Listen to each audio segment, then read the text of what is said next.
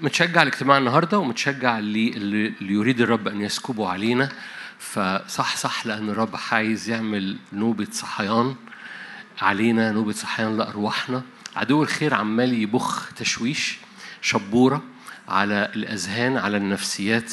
فبيعمل شبورة كده فتحس إنه إنك مش شايف عارف يمينك أو شمالك مش قادر تبقى شايف كلير كده خط واضح. لكن أول ما بتخرج صوت من فمك ودي أهمية الصوت ما أعرفش مش قادر أعيد وأكرر وأكرر وأكرر وبرغم إن في بعض الأحيان بجد إن اختبار كثيرين صعوبة هذا الأمر إنه يطلعوا صوت في الأوضة إنه فعلا ما فيش حد في الأوضة غيرك بس في الرب الروح القدس بيملى الهيكل بتاعك ويريد أن يملأ أوضتك من خلال صوتك ويصنع طريق قدامك من خلال صوتك.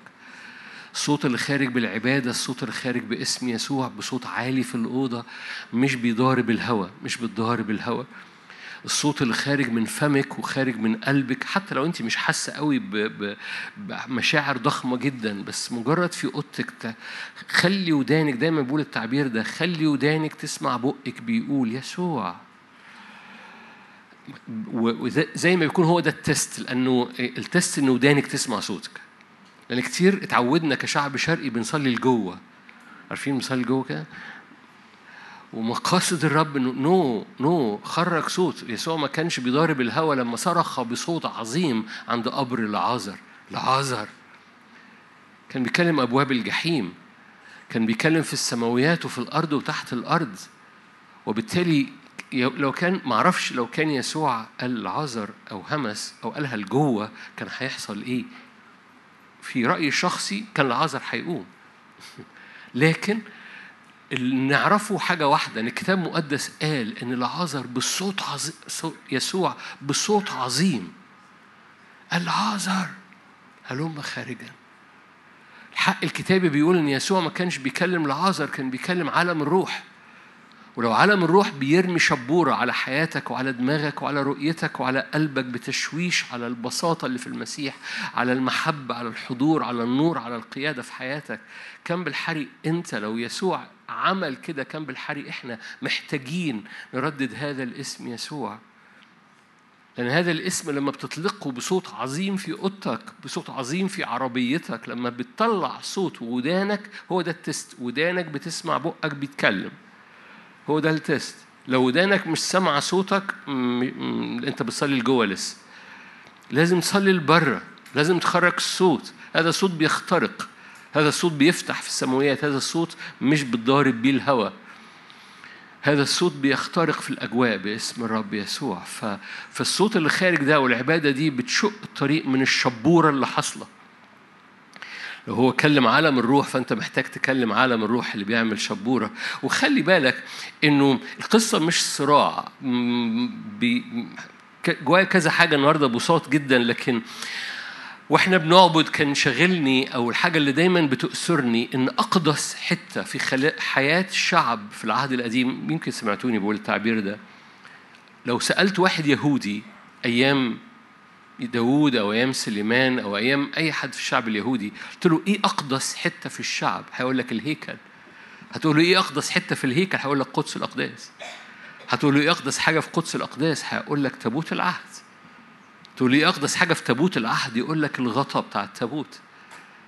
وغطاء التابوت اسمه كرسي الرحمة. سلام.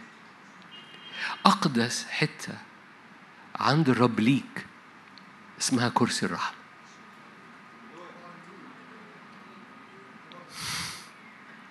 ليتس خلينا نقعد هنا شوية.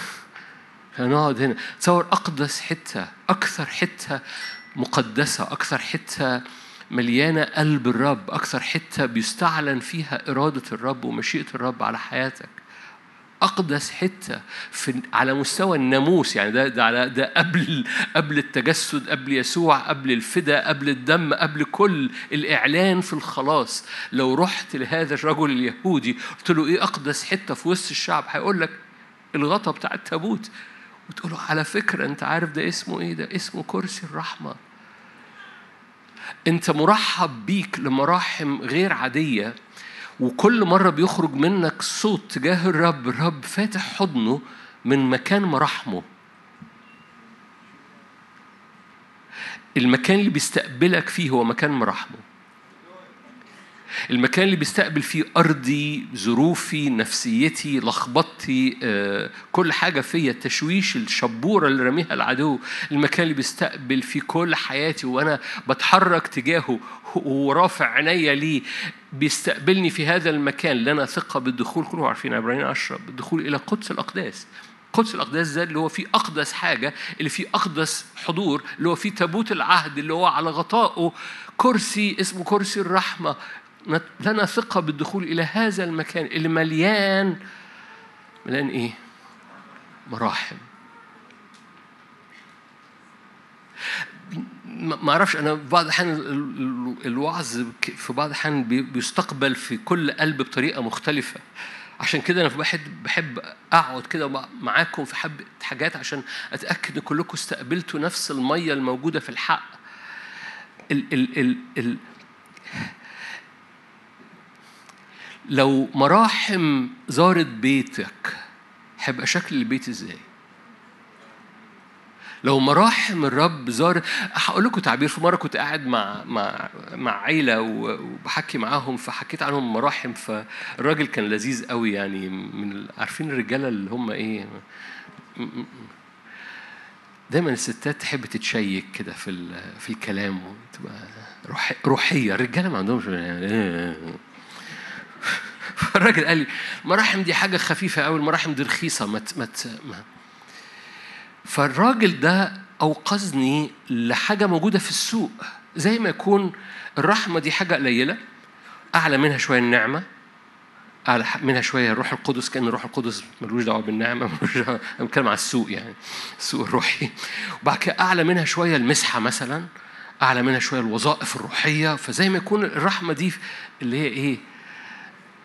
آخر حاجة يعني أر أر هو الراجل الراجل كان بيقول لي كده الرحمة دي يعني وزي ما يكون زي ما يكون أوقظ روحي لحقيقة حقيقة موجودة في كتاب مقدس فاكرين آه، مراحمك قد قويت علينا؟ مراحم رب قوية جدا. مراحم الرب أقوى كثير من حاجات كثيرة بيرميها العدو من كل شكاية. مراحم الرب أقوى من كل شكاية. مرا... الرحمة تفتخر على الحكم. كلكم عارفين بحب الآية دي. الرحمة ترايمفس يعني بتغلب القضاء. يعني لو حصل قضاء قضاء إلهي على أمور في حياتك وقفت قدام مراحم الرب ده, ده لو حصل قضاء من الرب أو في قضاء من الرب على أمور أو أشخاص في عيلتك وقفت كأب أو كأم قدام الرب وطلبت مراحم الرب الرحمة تفتخر على الحكم الإلهي على أولادك. وهو ده منها الآية ما أنا دخلت في حتة أيوب لما قالك ينقذ غير البريء. طب ده غير بريء ده الحكم. هذا الشخص غير بريء. ينقذ ليه؟ لأن في واحد رفع يديه قدام الرب. في الأغلب طلب مراحم. أن الرحمة تفتخر على الحكم. أنتوا هنا أقدس حتة في الحضور الإلهي اسمها كرسي الرحمة. دي, دي مش الوعظة ده أنا بصبح عليكم فما تبصوليش كده. دي أقدس حتة بنجري ونستخبى فيها حضن الآب اسمه كرسي مراحم. المكان اللي انت بتهرب منه متصور انه هيحرقك هو المكان اللي انت محتاج تستخبى فيه لأن هو ده المكان اللي هيرحمك. المكان اللي انت بتهرب منه خجلا لأنه حاسس إنك هيقضى عليك فيه هو المكان اللي محتاج تستخبى فيه لأن هو ده المكان اللي هيرحم كل حياتك. هو ده المكان. فمن فضلك تعبير كنا بنقوله زمان كتير ما تستخباش من الرب. استخبى في الرب. آمين. آمين. Okay. ابتسموا عشان أقلب عشان أخش على الموضوع اللي وراه. okay مت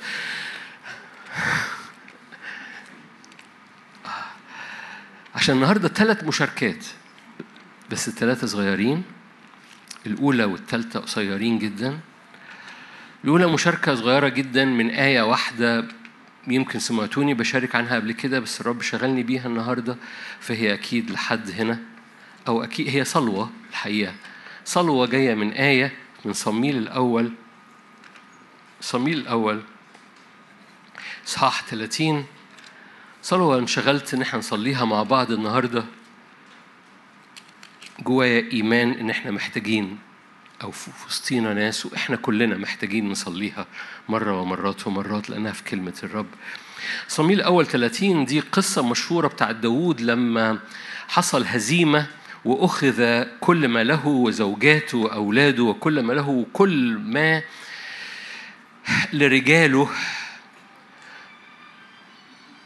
دايما بيبقى في الصف الأولاني. فرفع داود والشعب الذين معه أصواتهم وبكوا حتى لم تبق لهم قوة للبكاء. سبيت امرأة داود دي آيات أربعة وخمسة. امرأة داود أخي نوعم الإزرائيلية وأبي جايل امرأة نبال الكرملي. فتضايق داود جدا لأن الشعب قالوا برجمه.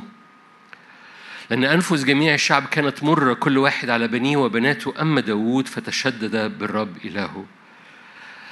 مش موضوعنا دلوقتي أنا بقالي مدة مشغول بحاجة بتحصل في مزمور 83 إزاي بيحصل شبورة من العدو من أمور كتيرة في نفس الوقت بتترمي على شعب الرب؟ فزي ما يكون كل حاجة كأن كل حاجة مش ماشية. في القصة دي نفس المشهد كأن كل حاجة مش ماشية. حتى أبطال داوود يعني حتى أبطال داوود قالوا برجمه. سأل داود من الرب والرب قال له اذهب فتحرك داود آية عشرة أما داود فلحق هو 400 رجل وقف 200 رجل لأنهم أعيوا عن أن يعبروا وادي البسور. يعني حتى أبطاله ناس منهم أعيت أو نصهم أعيا. وتأتي القصة اللي أنا بحبها قوي فصادفوا رجلا مصريا في الحقل. فأخذوه إلى داود أعطوه خبزا فأكل وسقوه ماء. أعطوه قرصا من التين وعود وعنقودين من الزبيب. فأكل ورجعت روحه إليه لأنه لم يأكل خبز ولا شرب ماء في ثلاثة أيام وثلاث ليالي. قال له داود لمن أنت ومن أين أنت؟ ويأتي هذا الآية اللي بالنسبة لي قوية جدا. قال أنا غلام مصري. عبد الرجل عماليقي. تركني سيدي لأني مرضت منذ ثلاثة أيام. مش محتاج أكمل القصة. هذا الرجل أو هذا الغلام المصري ساعد داود على رد كل شيء فاسترد داود كل شيء. بس هذه الآية بالنسبة لي آية نبوية أو آية بتضرم روحي في الصلاة بطريقة غير عادية. هذا الغلام بيطلق هو مين؟ وبيطلق اختباره. همشي فيه بالترتيب الموجود في كتاب مقدس أو في الآية اللي قدامك بس بس اعرف إن كل واحدة بتقود للتانية. أنا غلام مصري عبد. أول تعبير هذا الرجل بيعلنه أو هذا الغلام بيعلنه أنا ابن عبودية. تعريفي عبودية. مصر هنا مش الجمهورية بتاعتنا. مصر هنا روح مصر. أنا غلام مصري هويتي مصرية هويتي مليانة عبودية. والصلوة اللي جوايا لكل حد فينا نصليها مع بعض أنا مش غلام مصري. أنا ابن ملك الملوك ورب الأرباب. لأن الغلام المصري وراها نتيجة عبد لرجل عماليقي. يعني في عماليق واخدين سيادة في حياتي وأنا عبد لهذا العماليقي لأني غلام مصري أنا عبد لرجل عماليقي. والصلوة اللي جوايا مفيش حد هنا فينا هويته عبودية هويته مكسورة هويته مشوهة هويته أرضية هويته عالمية وبالتالي هو عبد لأمور عماليق أمور صعبة أمور عالية.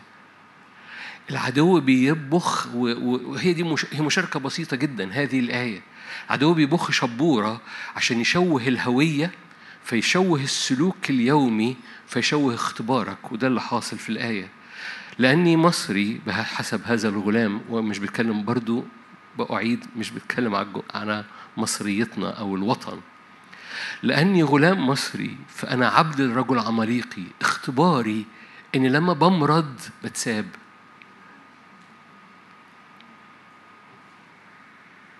تركني سيدي لأني مرضت منذ ثلاثة أيام.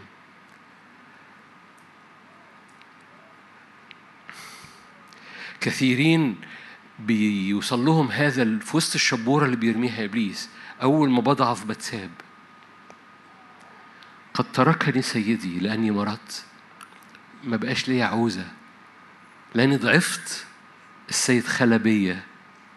لأني ضعفت ما بقتش من الخدام لأني ضعفت ما بقتش في الصفوف الأولى.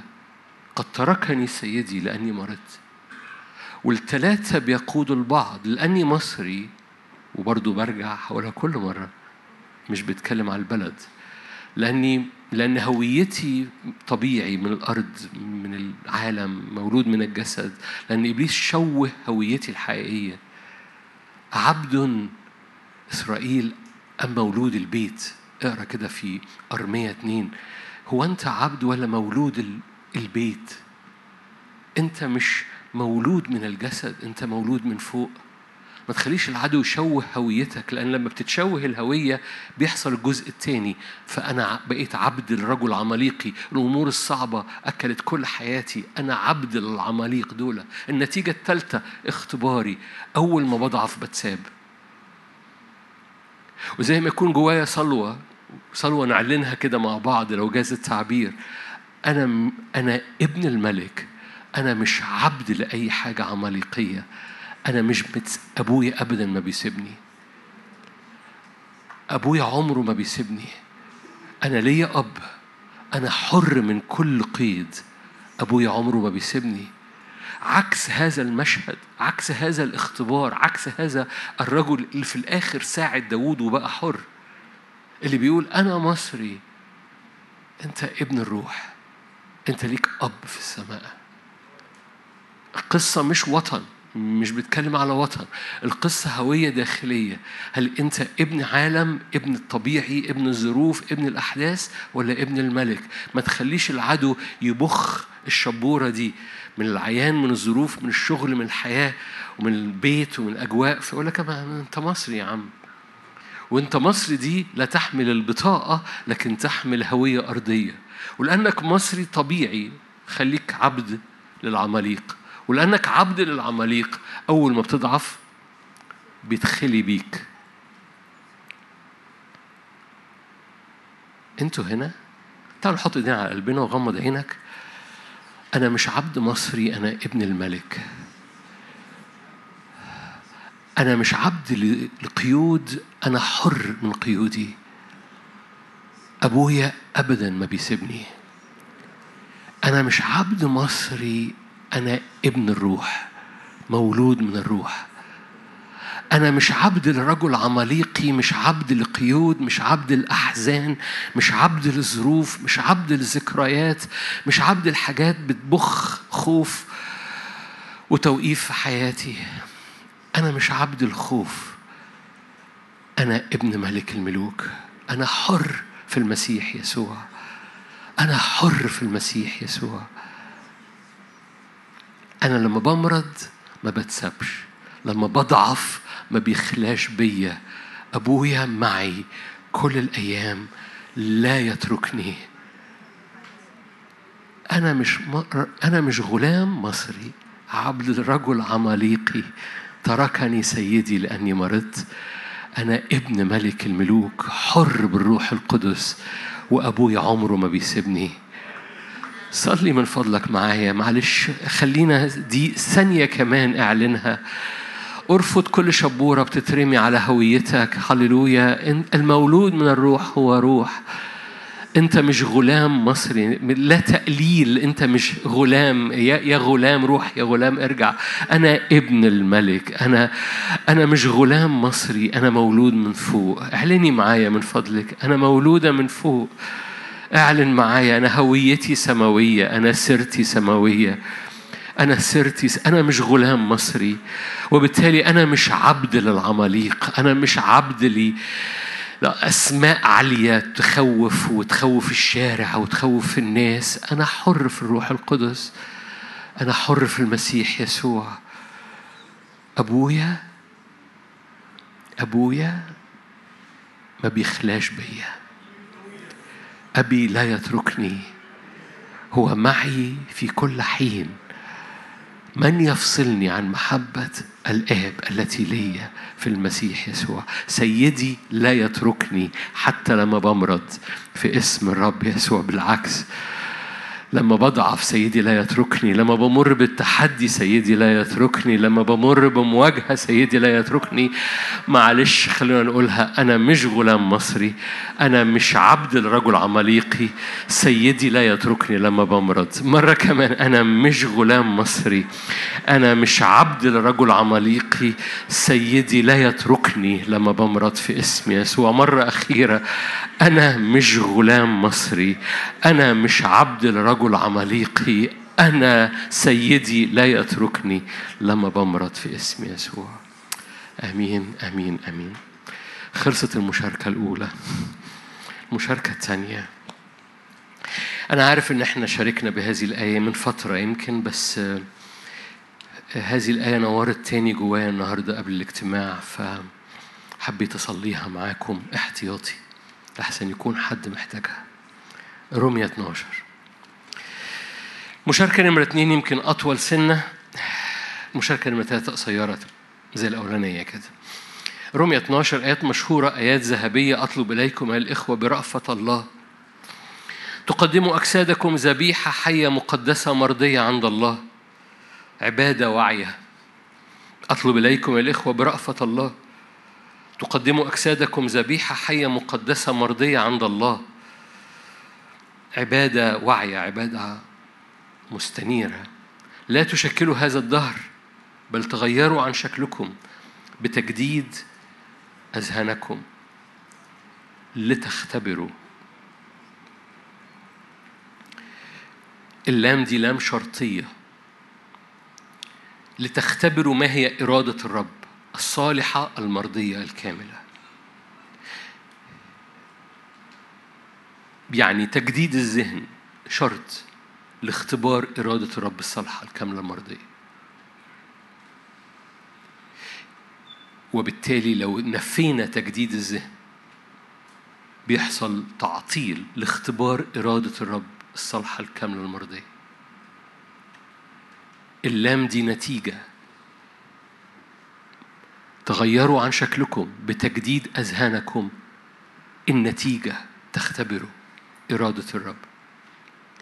إيه اللي أنا مشغول بيه في المشاركة نمرة اتنين؟ بالمناسبة مشاركة واحد واثنين وثلاثة بيقودوا البعض. بس إيه اللي أنا مشغول بيه في المشاركة نمرة اتنين؟ إن كثيرين بيبقى عارفين إرادة ربنا بس مش مش عارف هي هنا بس مش مش مختبرة هنا. هي مدركة هنا معروفة هنا في في آه أنا عارف ربنا بيحبني بس الاختبار. أنا عارف ربنا الصالح اختبار. أنا عارف ربنا بيفتح الأبواب. بس الاختبار.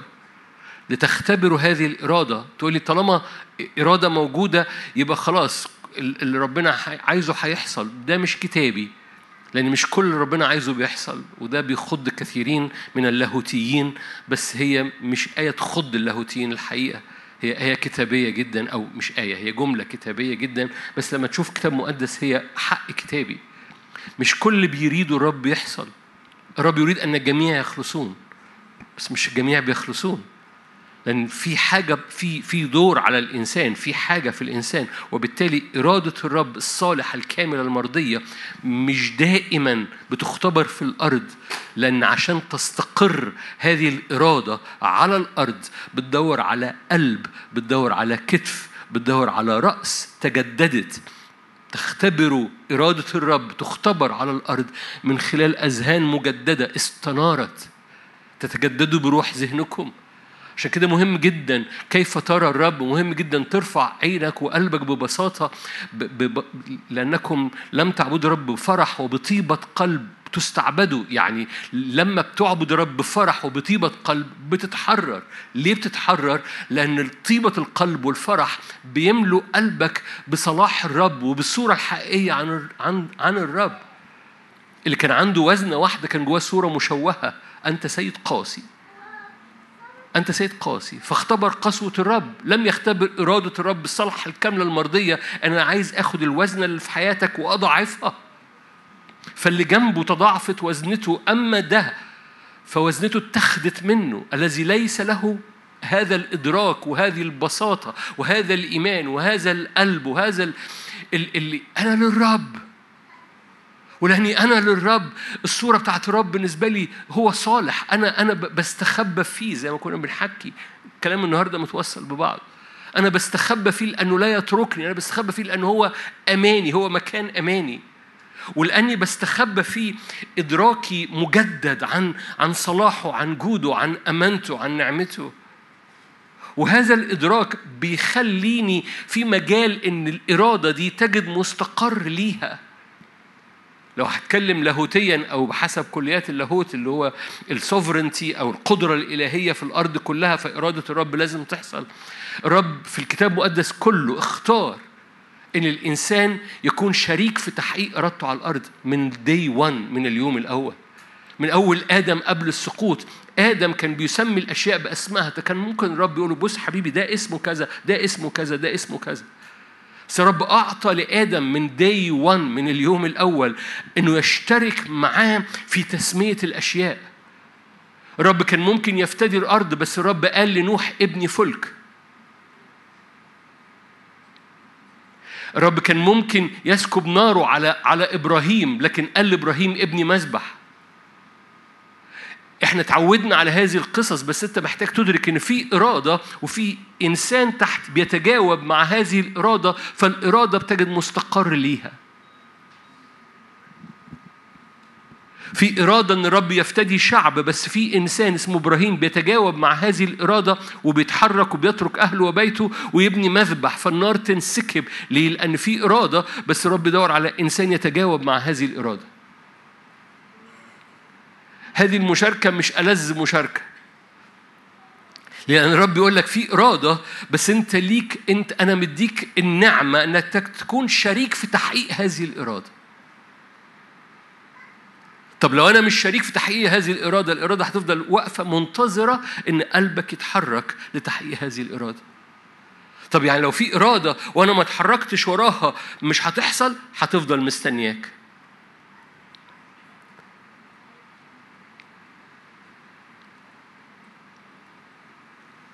سلام. الرب أمين إنه ما بيسحبش إرادته لأن هبات الرب ودعوته بلا ندامة. الآية قدام حضرتك تغيروا عن شكلكم بتجديد أذهانكم علشان تختبروا الإرادة. وبالتالي لو نفيت تغيير الشكل بتجديد الذهن بيحصل تشوه في تحقيق الاختبار. اختبار يعني إرادة تختبر. أنا بتكلم عن حياة عملية. تقول لي آه أنت بتقف هنا وتقول كلام مشجع وفي ناس بتحبنا كده. تقول أنتوا دايما كده ما آه بس أنا عايز أختبر وأنا كمان عايزك أنت وعايز كل حد يختبر. ليه؟ لأن مش قصة مش بس بنشارك عن إرادة صالحة كاملة مرضية لكن بنتكلم عن اختبارها. كتاب مقدس في العهد القديم حكى عن كتير. قال لك معرف معرفة مجد الرب تغطي وجه الأرض. سوري قال مجد الرب يغطي وجه الأرض. وفي حقوق أم قال كده؟ معرفة. معرفة دي يعني اختبار. مجد الرب يغطي وجه الأرض. في فرق ما بين إن في معرفة تغطي وجه الأرض وإن اختبار هذا هذا المجد يغطي وجه الأرض. أنا أوكي لو لو أنت اتلخبطت أنا بعتذر هقولها بطريقة أوضح. هذه هذه هذا الجزء من المشاركة هدفه إن كل حاجة أنت عارفها عن صلاح وجود الرب تختبر في بيتك. أوضح من كده مفيش إن بقاش في وعد غير مختبر. مختبر يعني إيه؟ يعني متطبق ومتنفذ ومتعاش تقول لي آه رب صالح وأنا شايفه صلاحه. الرب شافي وأنا شايفه شفاء. الرب يفتح الأبواب وأنا شايفه الأبواب. الرب يرحم وأنا شايفه المراحم. الرب بيشيل الشوك وبيعمل الانسانه تيوبيل بس سنه اليوبيل دي مش طايرة في الهواء. أنا شايفه اليوبيل. تختبره. أختي علمت بالاصفر على تختبروا ده. يعني الإرادة ما تبقاش طايرة في الهواء. طب حلو قوي عشان أختبرها دي آه في في علشان الخلاص يحصل نوح ابني فلك. أنا هما ليه دايما في الصفوف الأولانية؟ أنا عايز أفتدي شعب أنا عايز أخرج شعب أوكي إبراهيم اتحرك. ده إيه؟ ده بي ده إرادة الرب بس بتجد مستقر ليها. طبعا محتاج مش محتاج أقول لك بقى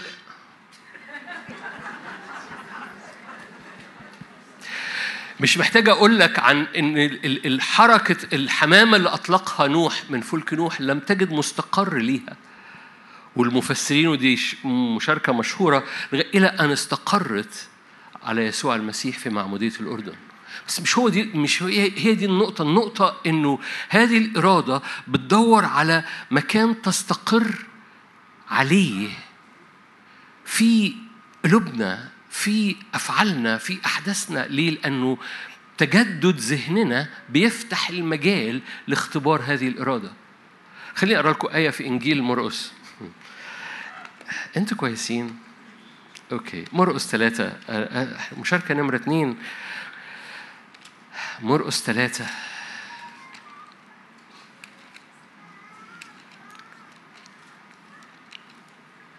مرقس ثلاثة. دخل أيضا المجمع وكان هناك رجل يده يابسة. دخل المجمع وكان هناك رجل يده يابسة. فصاروا يراقبونه هل يشفيه في السبت لكي يشتكوا عليه؟ فقال الرجل الذي له اليد اليابسة قم في الوسط. خلي بالك الناس كلها مدركة إن في إرادة في الجو. ناس مدركة يسوع في المجمع وفي يد يابسة. هم. هتفهم حاجة شايفين المنظر؟ فيسوع في المجمع وفي رجل ذو يده اليابسة هم. كانوا الجميع ينظرونه صاروا يراقبونه هل يشفيه في السبت لكي يشتكوا عليه؟ فقال للرجل يسوع لذيذ قوي الذي له اليد اليابسة قوم في الوسط. يعني يعني ديمونستريشن برهان الروح القدس. قوم في الوسط. قال لهم هل يحل في السبت فعل خير أو فعل شر؟ تخليص نفس أو قتل. فسكتوا. لأن في إرادة بس مش عارفين هو الصلاح أو المراحم الإلهية تتخطى العقلية تتخطى الأفكار المسبقة تتخطى الناموس تتخطى الشكاية فسكتوا. هل المراحم تكسب؟ فنظر حوله إليهم بغضب حزينا على غلاظة قلوبهم وقال الرجل مد يدك. في إنجيل متى قال له مد يدك اليابسة.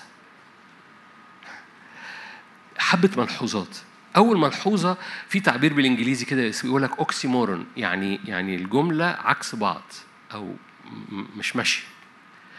مد يدك اليابسة جملة فيها تناقض. إحنا لأن إحنا بنحضر اجتماعات ومدارس أحد مد يدك اليابسة دي بالنسبة لنا آه عادي يعني إيه اللي إيه قال وراها؟ بس ده عكس بعض. مد يدك اليابسة النهارده يعني يعني يعني يعني رب يجي يقول لك في الاجتماع كده افرحي. فتمصمص شفايفك مفيش حاجة تخليني افرح. ليه؟ انت مش عارف إيه اللي حاصل في البيت انت مش عارف إيه مش عارف إيه. طب انت عارفة إرادة ربنا؟ آه أنا عارفة إرادة ربنا عايز يعمل كذا وعايز يعمل كذا وعايز يعمل كذا. بس انت مش شايف؟ فرب يجي يقول لك عكس. طب طب انت اعمل حاجة عشان افرح. مد إيدك عليا عشان احرك ايدي. إرادتك إن إيدي اليابسة تخف. أوكي صلي لي.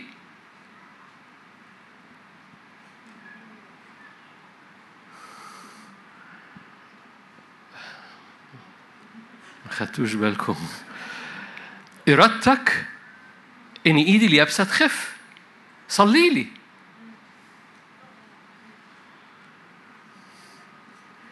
إرادتك إن كل حاجة في بيتي تفتدى.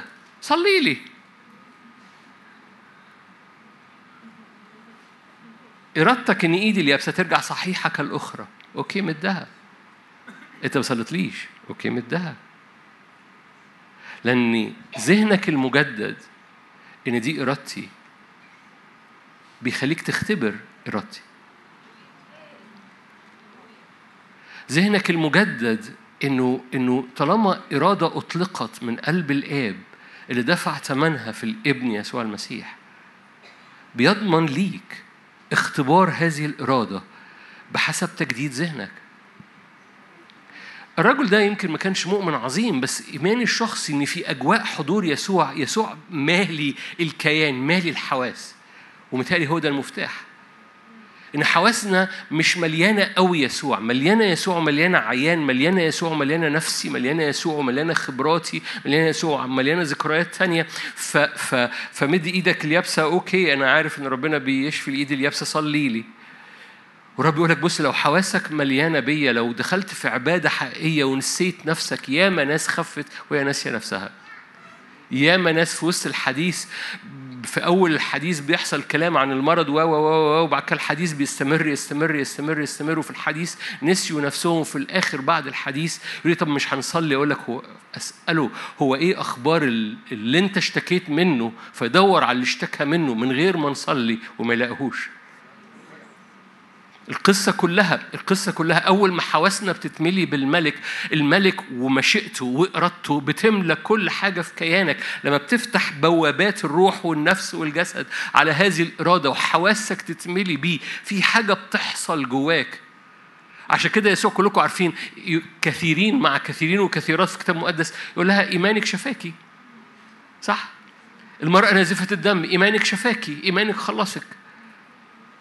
القصة كلها إيه؟ إن في حاجة القصة مش بسيطة، القصة إن يسوع كان بيملى الحواس لا أي حد بياخد في ال area حوالين يسوع.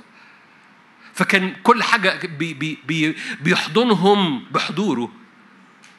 والعبادة هو أفضل مكان حضرتك وحضرتك تتعبد في حضوره، sorry تتحضن في حضوره. فلما بتعبد في الأوضة وبتعبد في البيت وأنا كده برجع للصوت مرة تاني لما بتعبد في الأوضة وتملى عربيتك عبادة أنت في هذا المكان اللي فيه كل حواسك بتتملي بهذا الحضور فإمكانية الإرادة السماوية إنها تختبر في أرضك تبقى ببساطة عكس بعض. مد إيدك اليابسة. طب ما تصلي لي. طب حط إيدك. طب أنت ما عملتش حاجة. كان ممكن هذا الرجل يخرج من المجمع بيقول ربنا ما صلاليش ما حطش إيده عليا. كان ممكن يخرج إيده يابسة. لو جاز التعبير. برغم إن الرب قال له مد إيدك اليابسة. أحبائي لما هنعبد بعد دقايق مع بعض من فضلك مقاصد قلب الرب إن كل إرادة ليه تحصل وتختبر في أرضك. املى حواسك بيه واستقبل هذا هذا التشجيع إنك تتحرك في اللي مش طبيعي. نوح بنى فلك. إبراهيم بنى مذابح في الطريق. بس هذه المذابح بقت أماكن إرادة ربنا بتنسكب عليها. أنا عشان الرب اختار. لا بصوا عقائديا الرب اختار إن الإنسان يبقى شريك في تحقيق إرادته. الإنسان ما عندوش القدرة إنه يعمل لكن الإنسان لما بيتحد مع إرادة الرب الإنسان بيشترك. فاكرين رسول بولس لما قال نحن بولس وأبولس نحن عاملان مع الله؟ يعني إحنا بنشتغل معاه. يسوع أنكو وأولاده. بلاش أنكو كو دي قديمة أو عواجيزي شوية. يسوع وأولاده. شغالين في شراكة مع بعض. فرئيس رئيس مجلس الإدارة قرر كده أنا إرادتي بتتم من خلالك. بس أنا قاعد مستني إرادتك تحصل. حبيبي أنا إرادتي بتتم من خلالك من خلال عبادتك ومن خلال لما حواسك تتملي فذهنك يتجدد فبتجد الإيمان والطاعة وتقول لي بس دي طاعة. أقول لك آه هي طاعة بس الطاعة طعمها في بعض الأحيان وحش وإبليس يقوم رامي رامي الطعم المر. أصل أنت مش هتطيع أصل أنت انت أنت لا يعتمد عليك إنك تطيع. حد سمع الجملة دي من إبليس قبل كده؟ الباقيين ملائكة أخواتي شاهد خالد. كلهم ما سمعوش الجملة دي أنا بس اللي سمعتها. لا يعتمد عليك إنك تطيع. آه دي حقيقة. فأنا بتفق مع مخاصمي. نعم أنا لا يعتمد علي أن أطيع إلا لو مليت كل حواسي بحضوره. الطاعة بتبقى طبيعية. إلا لو مليت كل حواسي بحضوره. فالطاعة بتبقى طبيعية بتبقى نتيجة طبيعية. ليه؟ لأنه أول ما حواسي بتتملي بحضوره ما, ما, ما بفكرش قداسة ولا نجاسة. ما, ما بفكرش طاعة ولا عدم طاعة ما بفكرش أفرح ولا ما أفرحش ما بفكرش في معجزة ولا ما فيش معجزة. أول ما حواسي بتتملي بحضوره صح؟ دانيال عشرة. أنا بختم أو بختم المشاركة نمرة اثنين المشاركة الأولانية أنا مش غلام مصري. أنا مش عبد الرجل عماليقي سيدي لا يتركني. المشاركة نمرة اثنين إرادة الرب تريد أن تختبر في الأرض ومفتاح اختبارها. إنك تبقى شريك فيها تشترك فيها. املى حواسك بحب للرب عبادة للرب بقلب الرب. تجد جدد ذهنك بأفكار الرب وإرادته. أنا أوكي. دانيال عشرة. عشان الوقت. معلش أنا آسف. بلاش ده, بص أقول لكم إيه اللي حصل. في دانيال 10 كلكم عارفين. دانيال كان بيصلي. الملاك قال له جملة كده. أوكي أنا فاكرين دانيال؟ فاكرين عشرة؟ دانيال عشرة الملاك قال له كده. لا تخف يا دانيال. دانيال 10 12 من اليوم الأول الذي فيه جعلت قلبك للفهم والإذلال نفسك قدام إلهك سمع كلامك. وأنا أتيت لأجل كلامك. هذا الجملة الأخيرة دي قوية قوي. أنا أتيت لأجل كلامك. مشيئة ربنا اتحركت وحركت ملائكة وإرادة الرب اتحركت لأن دانيال كان ساجد قدام الرب يطلب مقاصد الرب إنها تتم على الأرض. دانيال أدرك الوقت بتاع إرادة الرب فقام رمى نفسه على الأرض. ليه؟ لأنه كان فاهم اللي إحنا بنحكي عليه دلوقتي ده. إن إرادة الرب محتاجة مستقر ليها.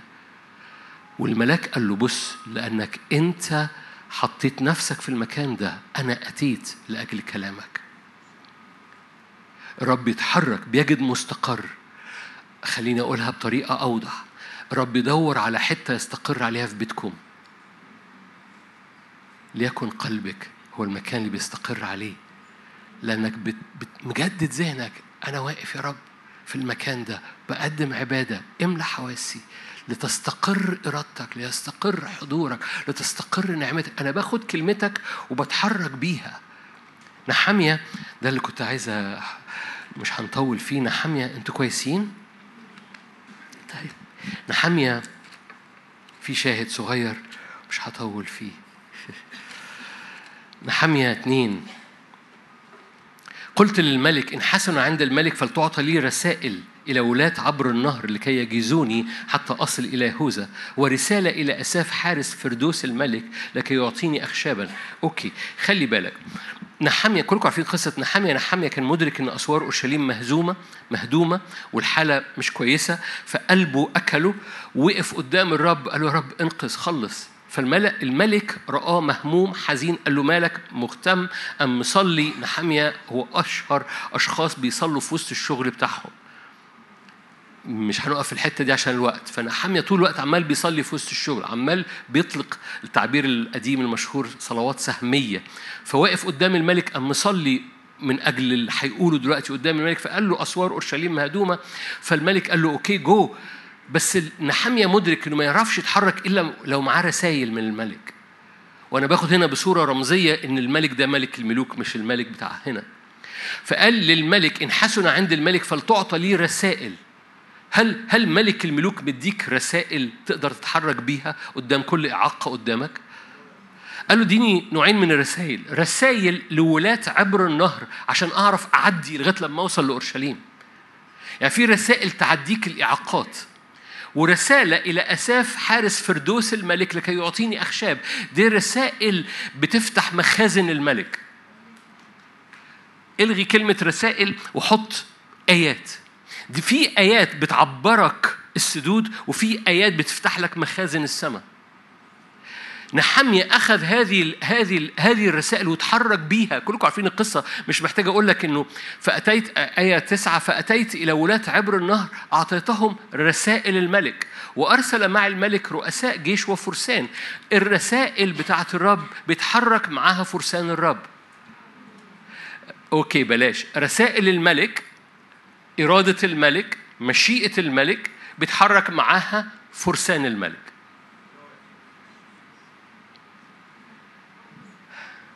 إيه الباب اللي واقف قدامك؟ سؤالي ليك معاك رسالة من الملك؟ لو معاك رسالة من الملك اعرف إن الرسالة دي معاها فرسان. ما توقفش قدام بوابة ما توقفش قدام وعد ما توقفش قدام دي إرادة دي إرادة ملوكية الرسائل دي إرادة ملوكية. الملك بيقوم كاتب إرادته بيبعتها. النحامية ما بيتحركش بدون رسالة لكل أمر حيمر قال له ديني رسائل للولاة ورسائل للمخازن. معاك رسالة من الرب معاك رسالة من الملك قدام كل أمر قدام كل وعد قدام كل مواجهة قدام كل تحدي. لو معاك رسالة في فرسان مع الرسالة. حلو قوي. طب لو معاك رسالة اعمل إيه؟ احمل هذه الرسالة وتحرك تخيلوا بقى لو نحامي أخذ الرسالة وقال له أشكرك جدا يا الملك وقام روح نام. نحامي أخذ الرسائل وقام أخذ هذه الرسائل وابتدى يتحرك بيها. كلكم عارفين لغاية لما وصل إلى أورشليم فعبر الولاة وبعد كده راح لذيذ قوي أخونا ده حارس فردوس الملك. لذيذة دي. مش مهم. راح لحارس فردوس الملك وأخذ أمور من مخازن فردوس الملك. قال له ليعطيني اخشابا و... و... وللسور وللبيت الذي أدخل إليه. فدخ دخ في رسائل عبر الولاة ورسائل دخل للمخازن وحمل هذه الرسائل وراح بيها عمل بيها عمل بيها شغل. اوعى تكون بتحضر اجتماعات وما بتعملش شغل بالوعود أو بالرسائل رب يديها لك عشان تفتح بيها الأبواب. بقابل ناس كتيرة أنا حضرت الاجتماع اللي أنت قلت فيه كذا وما حصلش. أوكي؟ سيبك مني. أنت عملت إيه بالرسالة؟ هل كانت رسالة ملوكية؟ حاربت بيها؟ جاهدت فيها الجهاد الحسن؟ لأنه نحامي لما أخذ الرسالة ما قعدش ما روحش البيت. أخذ الرسالة وخبط على الولاة وعبرهم وخبط على المخازن وفتحها وراح جات أورشليم وابتدى يبني. قال كده عبيدك فاكرين الآيات المشهورة نقوم ونبني إله السماء يعطينا النجاح ونحن عبيده نقوم ونبني فاكرين الآيات دي؟ آيات مشهورة دي مدارس أحد الفكرة الفكرة كلها إيه؟ الفكرة كلها إنه إنه الرب يقول لك آدي إرادتي احملها وتحرك بيها. آدي وعدي، آدي الرسالة. رب يفتدي بيتي، دي رسالة؟ آه دي رسالة.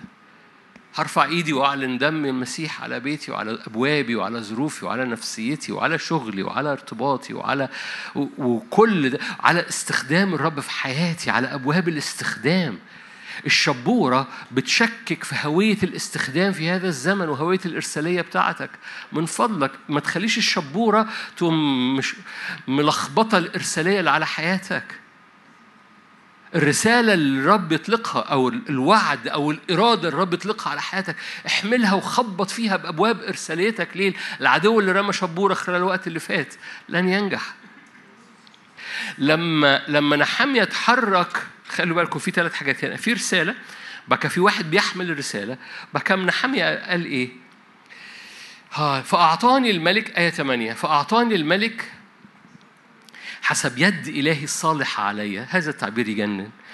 أول ما الإرادة بتجد واحد شايل الإرادة ومتحرك يد الرب الصالحة بتنزل عليه. مش مش مصدقيني. اقلب معايا في نفس الإصحاح نحمية 2 18 أخبرتهم عن يد إلهي الصالحة علي وأيضا عن كلام الملك الذي قاله لي. دي دي آية تاني. عزرا هذه الآية متكررة ثلاث مرات. فاكرين عزرا ونحامية كانوا بيتحركوا تقريبا مع بعض في نفس الزمن الروحي. عزرا مكرر هذه الآية سبع أربع مرات. أخبرتهم عن يد الرب الصالح علي ليه عزرا كان معاه رسائل برضو. كان في رسائل مضادة.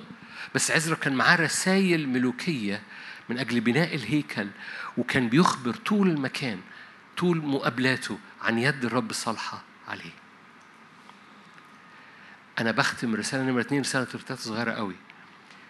في إرادة اتحرك بيها يد الرب صالحة هتحط عليك. في إرادة إلهية مش عشان دي إرادته هتحصل. رب يدور على حد يتحرك بيها زي نحامية زي الرجل باليد اليابسة. وأول ما الإرادة بتجد حد يتحرك بيها يد الرب صالحة بتتحط عليك. فبتنجح. okay. اخر إيه آخر شاهد أو آخر رسالة النهارده. أنتوا كويسين؟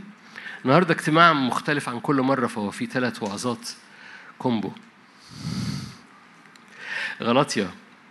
غلطية خمسة وده مشاركة صغيرة جدا. كل ده مربوط ببعض. نمرة واحد الهوية. نمرة اتنين إرادة الرب تتطبق في حياتك. احملها وتحرك بيها. آخر حاجة. غلطية خمسة. مش هطول. آية كلكم عارفينها أو آيتين كلكم عارفينها 32 ثمر الروح فاكرينه؟ فاكرين ثمر الروح؟ فاكرين ثمر الروح؟ الشبورة جابت ثمر الروح كمان؟ ثمر الروح فهو إيه؟ ثلاث ثلاثات محبة فرح سلام طول أناة لطف صلاح إيمان وداعة تعفف.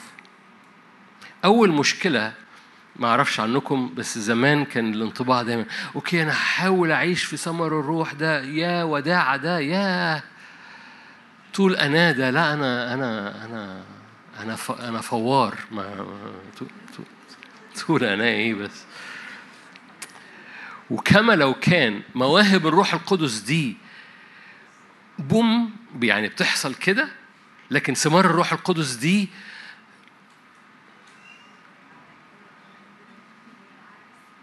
في فرق ما بين المواهب والثمار ده حقيقي. بس زي ما دي مش بمجهودك دي مش بمجهودك. بس دي بتحتاج إنك تديها المساحة إنها تكبر وتكبر وتكبر وتكبر. الثمر بياخد وقته يكبر بس هو مش بمجهودك. لأن إحنا تصورنا إنها بمجهودنا ما بقتش بتخرج فينا.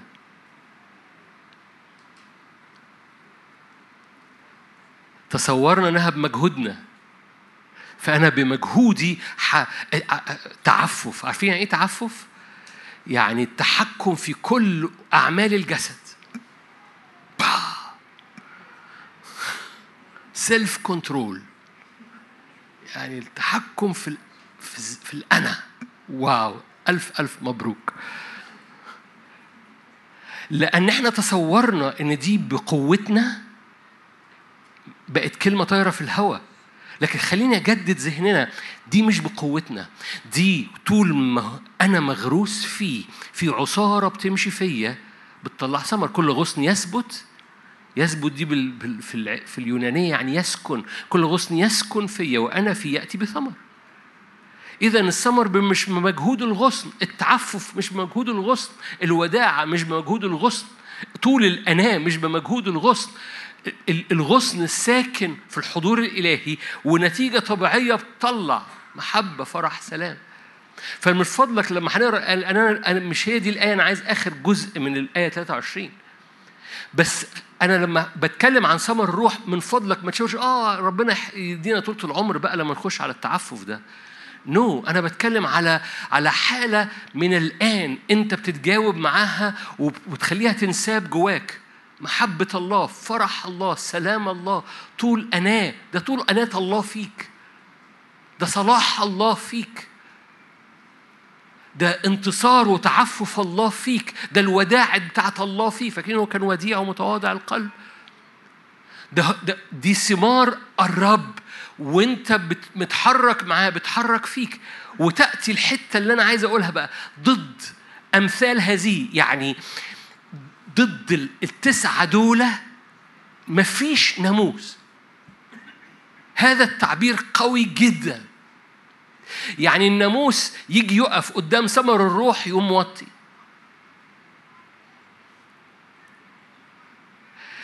القوة الجبرية للخطية والموت دي قوة الناموس ناموس الخطية والموت القوة الجبرية للخطية والموت لما تأتي قدام ثمر الروح توطي ضد أمثال هذه مفيش ناموس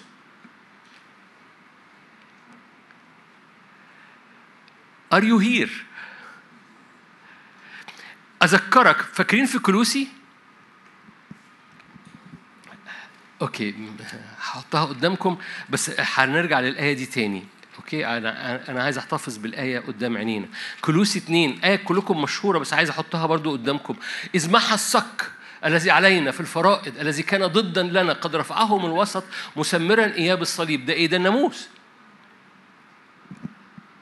كولوسي اتنين.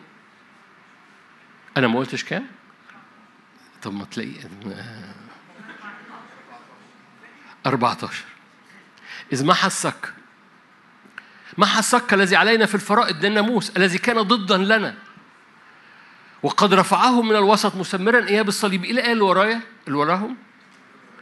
فجرد الرياسات. أتاري الرياسات والسلاطين كل قوتهم جاية بسبب الناموس بسبب الشكاية بسبب القضاء بتاع الناموس فالرؤساء والسلاطين بيجدوا مجال إنهم يتحركوا على أولاد الرب بسبب الشكاية.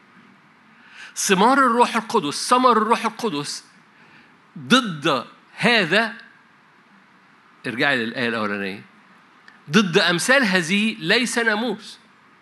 بمعنى إيه؟ وأنت متحرك في ثمر الروح القدس العدو ما عرفش يقف قدامك.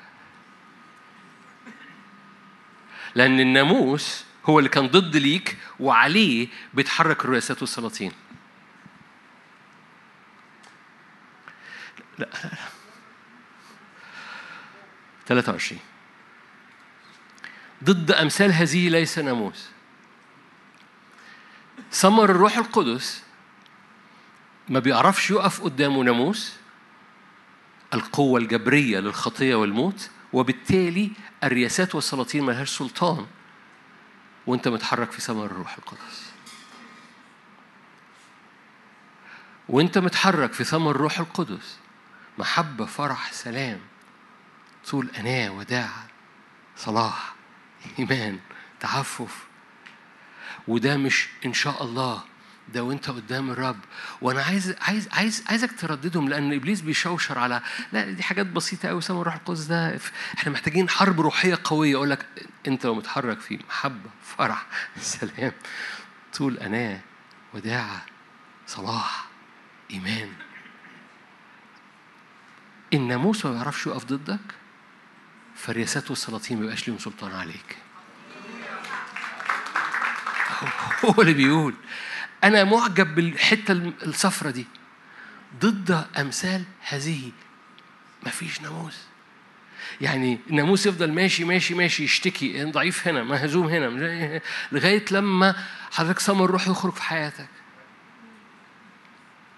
ضد هذه الثمار الناموس بيفضل واقف خلاص ما, ما أوكي أنا بنحني أول ما الناموس يقف في هذا المكان الحق الرياسات والسلاطين بيقف كلوس 2 14 بيقفوا ليه؟ لأن أول ما الناموس اتسمر اتسمر معاه محى الصك جرد الرياسات والسلاطين. فالسلطان أو السيادة أو الحق بتاع الرياسات والسلاطين على حياتك بيقف لأن الناموس وقف والناموس وقف قدام ثمار الروح القدس. ضد أمثال هذه ليس ناموس. Are you here؟ أحد أسلحة الحرب الروحية في ال... أنا مجرد عايز أفتحها جواك بس. هي ثمار الروح القدس. لو حكينا معاهم على بعض عشان نخلصهم على بعض أنت هويتك لا تسمح ليها بتشويش. أنت المجال لاستخدام الإرادة أنت المجال لتحقيق هذه الإرادة. فتملي بثمر الروح القدس لأن ضد ثمار الروح القدس في حياتك. مفيش حاجة تقدر تقف لو أنت مليان محبة فرح سلام تخيلوا حد كده قدامك دلوقتي مليان محبة فرح وسلام. سيبك من الستة اللي فاضلين. خلينا في أول ثلاثة بس. حد مليان في بيتكم محبة فرح سلام. دمه تقيل قوي. هيبتدي يصلي هيبقى إيه أخباره؟ مليان محبة فرح وسلام. هتاكلوا مع بعض على السفرة. كلكم بتاكلوا نفس الأكل بس هو مليان محبة فرح وسلام. سيبكم من وداعة وتع... يعني مش سيبكم بس يعني خلوها بس محبة فرح وسلام. هذا البني آدم لما هيقف يصلي لما هيرفع إيديه لما لما هتقف في قوة خارجة في سلطان خارج لأنه اللي مأثر المرمي عليك هو معديه. لأن قدام الثمار دي لا يوجد ناموس. ولا يوجد ناموس لا سلطان لأي رياسة وسيادة وسلطان. أمين؟ خلونا نصلي مع بعض.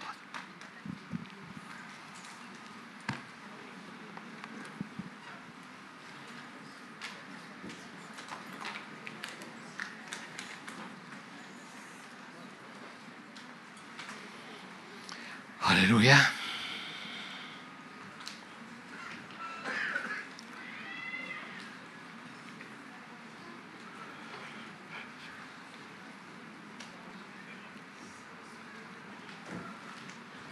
شجعك قاعد أو واقف ارفع إيدك معايا في اسم الرب يسوع. في البيت ارفع إيدك معايا لأنه الرب يريد أن يعبر بيكي وبيك بمراحم وقوة أراضي جديدة. الرب يريد أن يعبر بيكي وبيك إلى تحقيق واختبار إرادته في الأرض.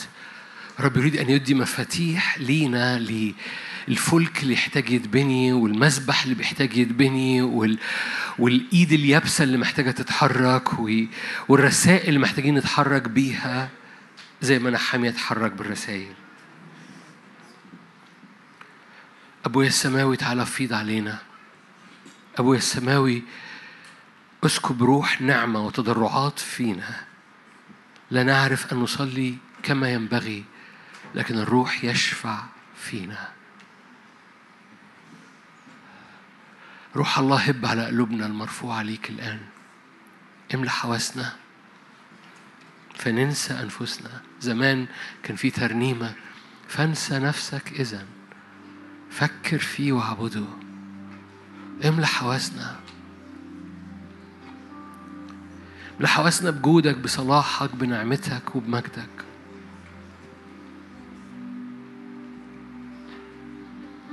املى حواسنا بمسحتك. بنيرانك بهباتك وثمارك. املى حواسنا. نتجدد بروح ذهننا.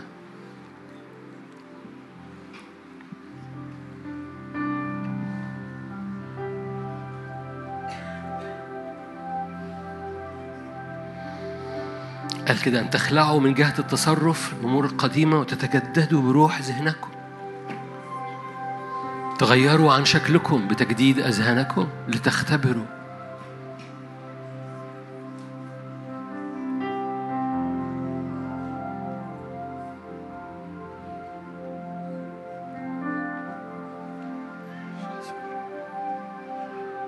أدعوك صلي بالروح صلي بالذهن في هذه اللحظات لأن الرب يريد أن يملأ روحك بمفاتيح في الأزمنة لا شبورة. الرب يريد أن يملأ روحك بمفاتيح لاختبار لاستعلان إرادة ربنا في أرضك.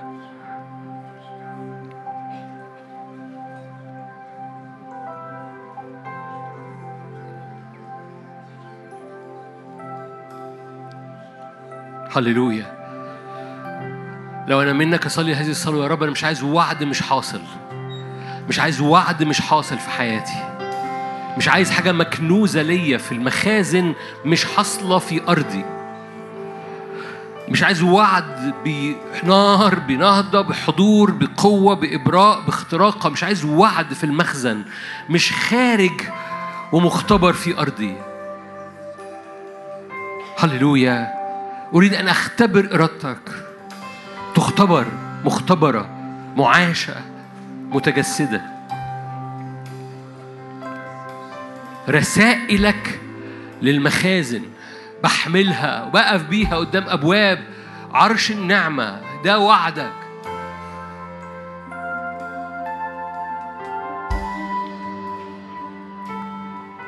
هللويا.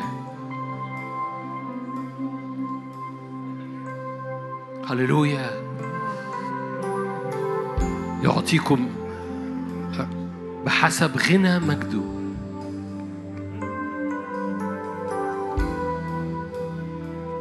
بحسب غنى مجده ليس بحسب الاحتياج بيدي بحسب غنى مجده. تعالوا نجدد ذهننا.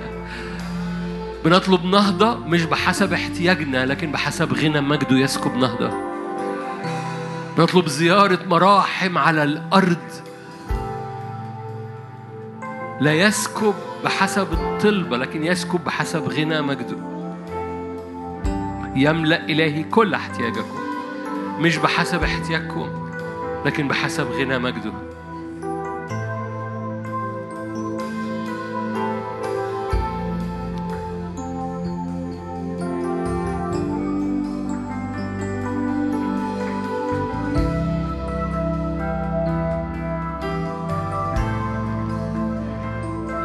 ها أنا ذا يا سيد.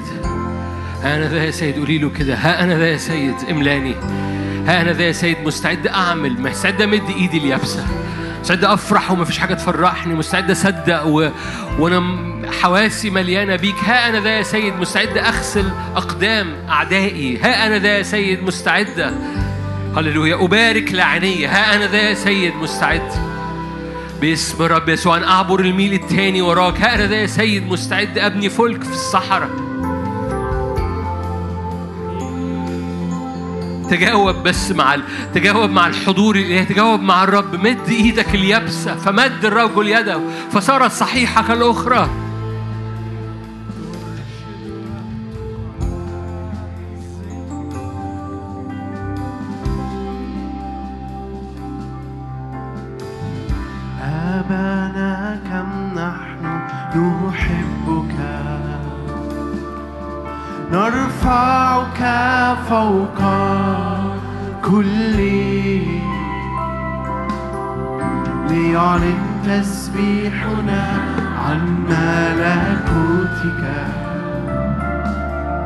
إذ نجدو أعظم أعمالك مبارك مبارك إلهنا. الكائن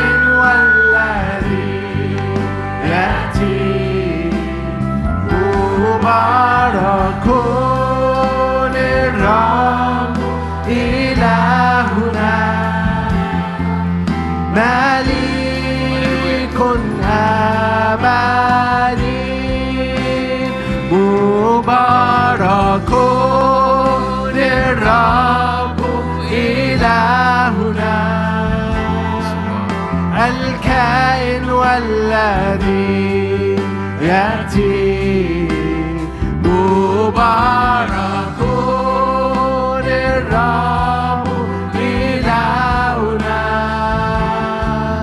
مليك أبدي. مليك أبدي. أبانا. أبانا كم نحن نحبك. خلي ودانك تسمع صوتك؟ نرفعك فوق كل ليعلن تسبيحنا عن ملكوتك. إذ نجدو ما أعظم أعمالك.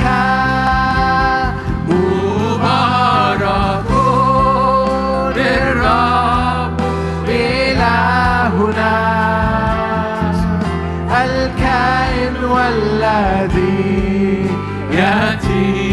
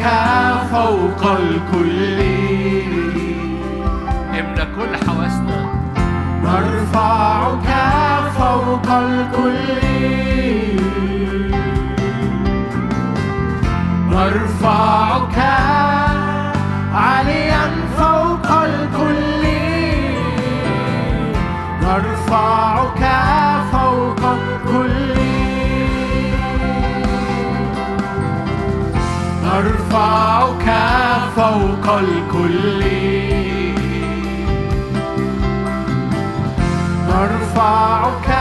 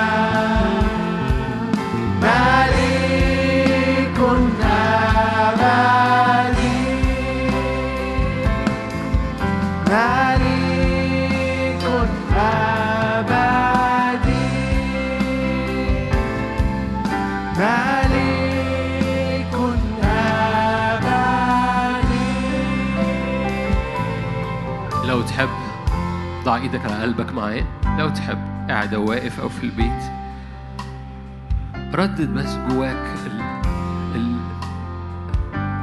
ثمار الروح محبة فرح على قلبك. ردد ده محبة فرح سلام طول أناه لطف صلاح. وداعة تعفف. روح الله فيض في قلوبنا. بنخضع قلوبنا وحواسنا مش بس لإرادتك. بنطلب إنه فيض في أرضنا فيض في أرض قلوبنا بثمر. فمرة كمان من فضلك ردد جواك محبة. محبة الرب تحاصرك محبة الرب تحاصر قلبك. محبة الآب تفرح قلبك. محبة الآب وفرح الآب يطلقوا سلام سلامي أعطيه إله السلام يدوس الشيطان. حضور الرب يطلق طول أناة فما فيش قلق ما فيش خوف ما فيش انفعال. صلي معايا طول أناة يا رب. املأ قلبي نعم باسم الرب يسوع. فلا انزعاج. لطف س... لطف طبيعي. طول أناة لطف. صلاح.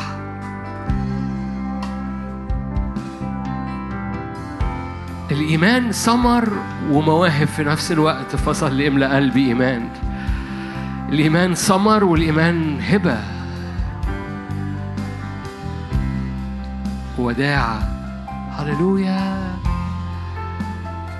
يخرج شعب مليان ثمر الروح القدس ويتجاوب مع حضورك يا رب. نعم املأ قلوبنا وإحنا بنكمل عبادة. وفجر فينا فجر فينا. دي مش كلمات طايرة في الهواء مش كلمات بعيدة عنك. دي كلمات الرب عايز يطلعها في شجرة حياتك. الغصن يسكن فيا فيأتي بثمر فينقيه فيأتي بثمر أكثر. باسم الرب يسوع. ثمار ثمار ثمار ضد أمثال هذه لا يوجد ناموس. هللويا. قدام الفرح اللي هيفيض في قلبك لا يوجد ناموس. اعلن معايا. قدام الوداع اللي هتفيض في قلبي لا يوجد ناموس. هللويا. أعدائك يحتاروا فيك. قدام الوداعه قدام التعفف. آه، قوى الشر. لا, لا تستطيع أن تصيب أرضك. قدام قدام ثمار الروح القدس في حياتك. باسم ضد هذه لا يوجد ناموس. ضد أمثال هذه ليس ناموس. في اسم رب يسوع يا روح الله املانا. صلي معايا املانا يا روح الله. املأ أراضينا قلب أراضينا من كل أشواك. هللويا كل أشواك قديمة. هللويا احرقها بنار حضورك. فيض في قلوبنا باسم الرب يسوع. ثمار الروح القدس. صلي معايا مرة تاني. محبة. قولها ورايا محبة. فرح. سلام. طول أناة. لطف. صلاح. إيمان. وداعة تعفف. قولها معايا في البيت مرة كمان. محبة هللويا. محبة. قولها بثقة إن الحاجات دي الناموس ما بيعرفش يقف قدامها. فقولها بفرح. محبة. فرح. سلام. طول أناة لطف. صلاح. إيمان. وداعة. تعفف. هللويا باسم الرب يا رب. شعب غالب باسم يسوع شعب غالب. وإحنا بنسبح املا كياننا أ- لازم تتجاوب مع الحاجات دي أحبائي. دي لازم تتجاوب معاها. بس بس هي ليك. هي في ثمر الروح هي ليك باسم الرب يسوع.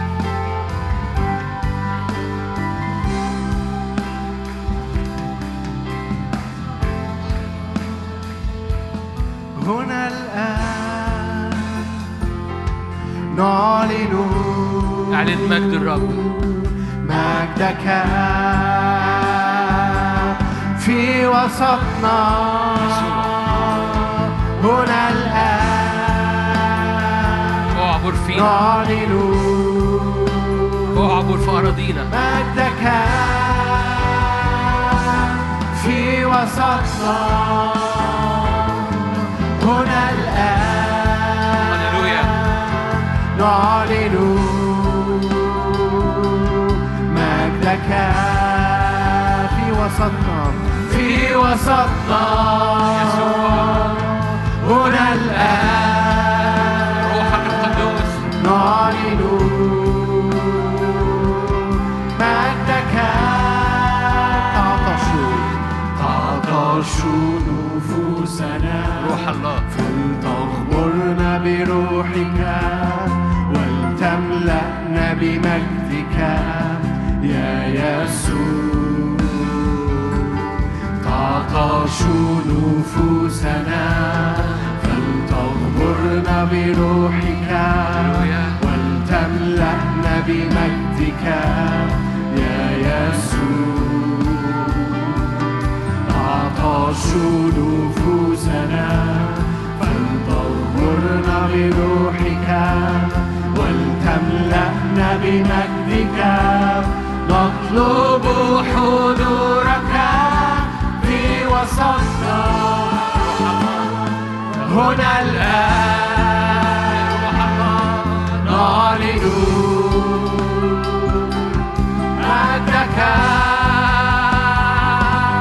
في وسطنا هنا الآن نعلن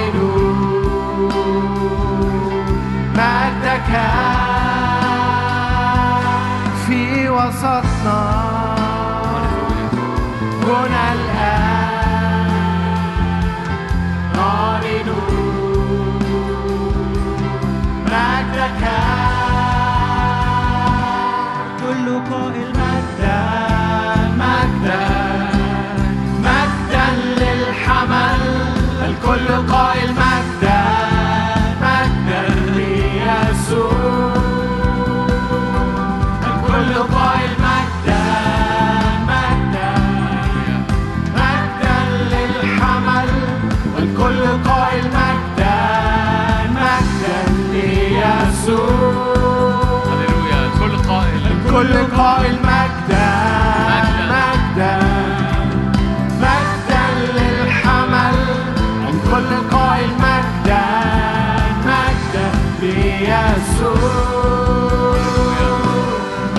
الكل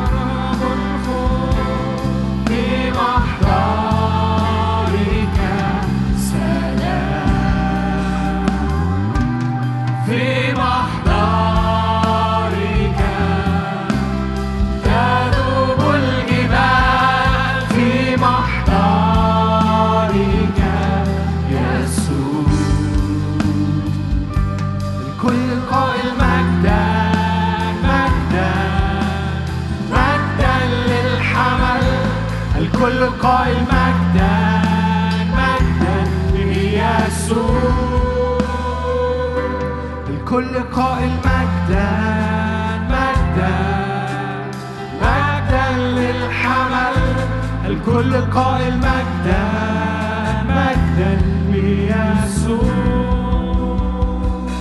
لو تحب ترفع إيدك. في أجواء الملك وحواسنا مرفوعة قدام الملك.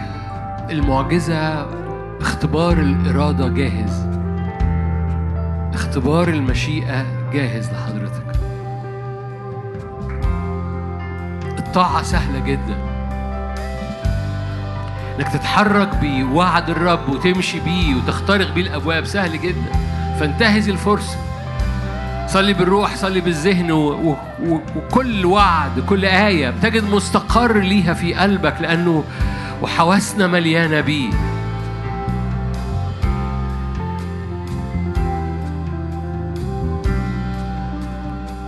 هللويا. املى المشهد املى عينينا املى حواسنا املى قلوبنا املى افكارنا. هللويا. يد الرب الصالح عليك تستقر على أرضك تستقر على على بيتك تستقر على عينيك وعلى نفسيتك تستقر على ذهنك وعلى هللويا على كل أجواء نفسيتك تستقر. أخبرتهم بيد الرب الصالح عليا أخبرتهم بيد الرب الصالح عليا هللويا قول يا رب ليملأ ليملأ ليملأ اختباري. إيدك الصالحة على أرضي إيدك الصالحة على ذهني إيدك الصالحة بتطير اكتئابي. أخبرتهم بيد الرب الصالح عليا. هللويا أنا بضرب كل أرض مش بتطلع خير. في حياتي لأنك أنت قلت خير ورحمة يتبعانني كل أيام حياتي. فأنا بضرب كل أرض مش بتطلع خير وبقول يد الرب صالحة عليا وعلى أرضي. باسم الرب يسوع يد الرب الصالح عليا. رددها ردد خلي ودانك تسمع صوتك وأنت بتقول يد الرب صالح عليا. هللويا. خلي ودانك تسمع صوتك وانت بتقول يد الرب صالح عليا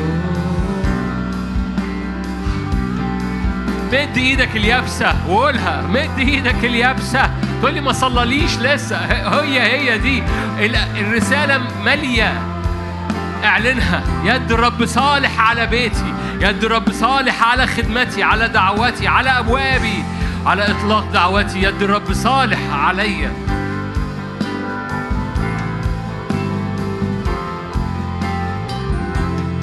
هللويا. أنت صالح. من دوري فدوري. من دوري فدوري. أنت صالح. من دوري فدوري. مراحمه هللويا. من دوري. قطع سيدي لا يتركني. تبقى صالح من دوري. سيدي لا يتركني. لما بمرض مراحمه من دوري. فدوري أنت صالح من دوري. فدوري مراحمه من دوري. فدور أنت صالح من دور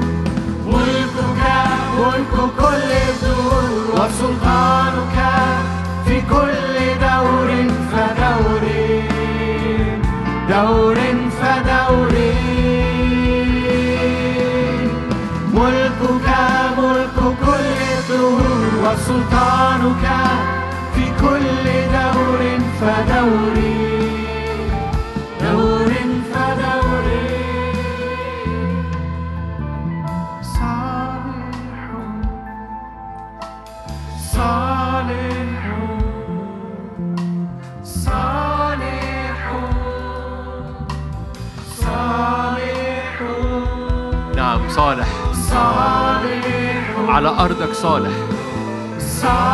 على ذهنك وعلى قلبك صالح. على جسدك وعلى بيتك صالح. على دعوتك وعلى استخدامك صالح. على بلادنا وعلى أبواب بلدنا على أولادنا وعلى أبواب ولادنا.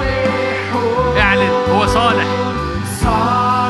على مستقبلك ماضي حاضر ومستقبل.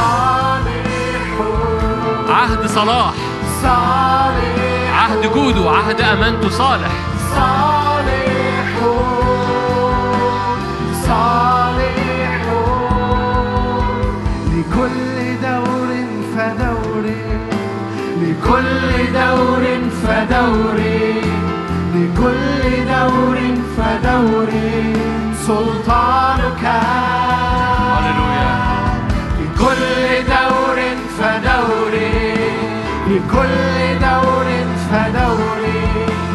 لكل دور فدور سلطانك. لكل دور فدور لكل دور فدور لكل دور فدور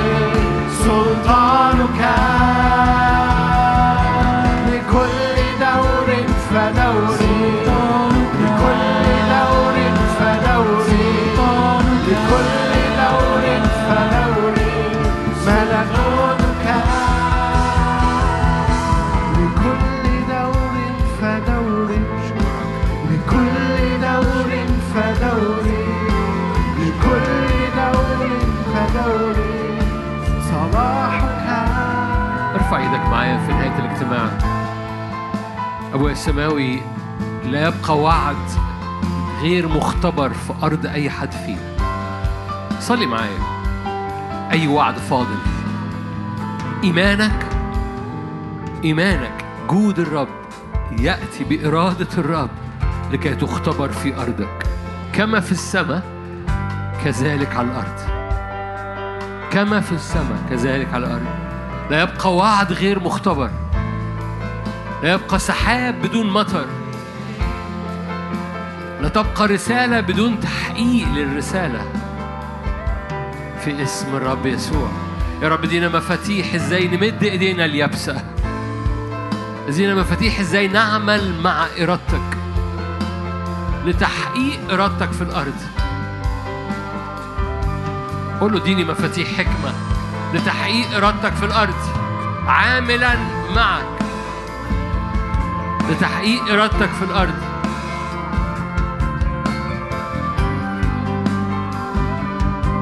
خاضع. هللويا. املى حواسي بحضورك. فلما تقول لي فلك أبني فلك. لما تقول لي مذبح أبني مذبح. لما تقول لي مد إيدك امد إيدي.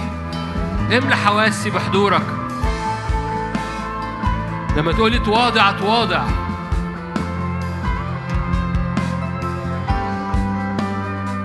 املى حواسي بحضورك.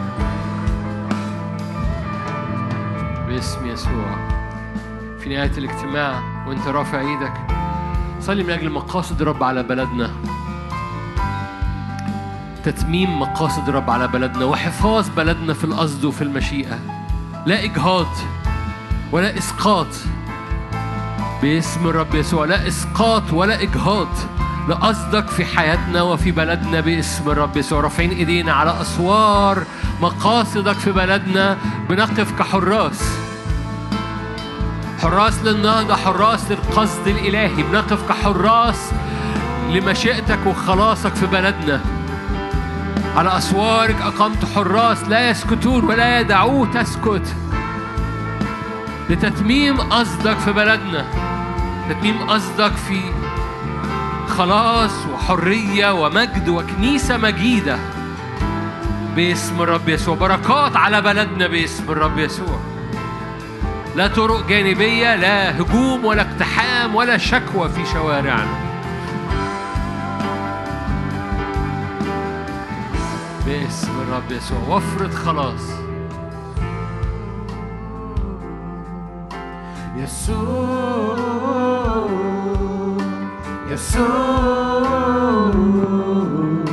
يسوع يسوع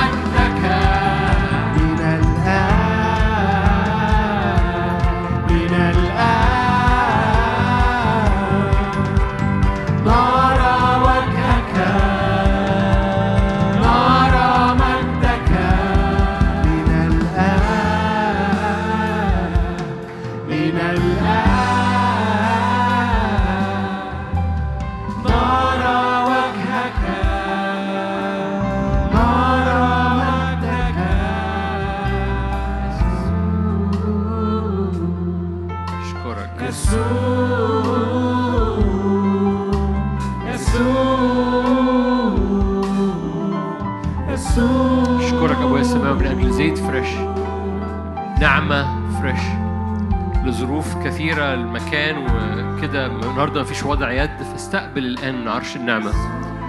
استقبل مباشرة من عرش النعمة. زيت fresh مسحة fresh نهضة fresh رؤية fresh. تدهنت بزيت طري fresh. دهنة يا رب على كل حد في القاعة أو في البيت. دهنة fresh من عرش النعمة. كحل عينينا بكحل لكي نبصر. دهنة fresh من عرش النعمة. على القلوب على الأذهان على الرجلين. أي مرضى في الرجلين باسم الرب يسوع. دهنة fresh زيت fresh تدهنت بزيت طري كأسي ريا. كالأيائل على المرتفعات تقفز. تبحث عن مرضك فلا تجده. تفتش على منازعيك إذا هم غير موجودين. زيت fresh كل اضطراب في الذهن. حرية الآن fresh باسم رب يسوع. الشبورة تهرب. اسكت ابكم. انتهر الريح. وتموج المياه باسم الرب يسوع فريش من عرش النعمة. سلام سلام سلام سلام الرب. هللويا باسم يسوع. دوسي يا نفسي بعز. جرأة جديدة ودوس جديد ونعمة جديدة. هللويا في اسم الرب يسوع. والمحتاجون إلى الشفاء. يقع المرض الآن في هذه القاعة ولا وتخرج من غيره. أي أمراض في الأعصاب أي أمراض في مفصل الإيد. يقع الآن في القاعة وتخرج بدون وجع في مفصل إيدك. باسم الرب يسوع. أي آلام في مش بس في في الصداع النصفي لكن في فوق العين. الصداع اللي فوق العين ده. شفاء الآن باسم الرب يسوع. رب مازال بيشفي مازال يجول بيشفي. مازال بيفك سلاسل مع القلب وسلاسل مع العينين وسلاسل مع الرجلين.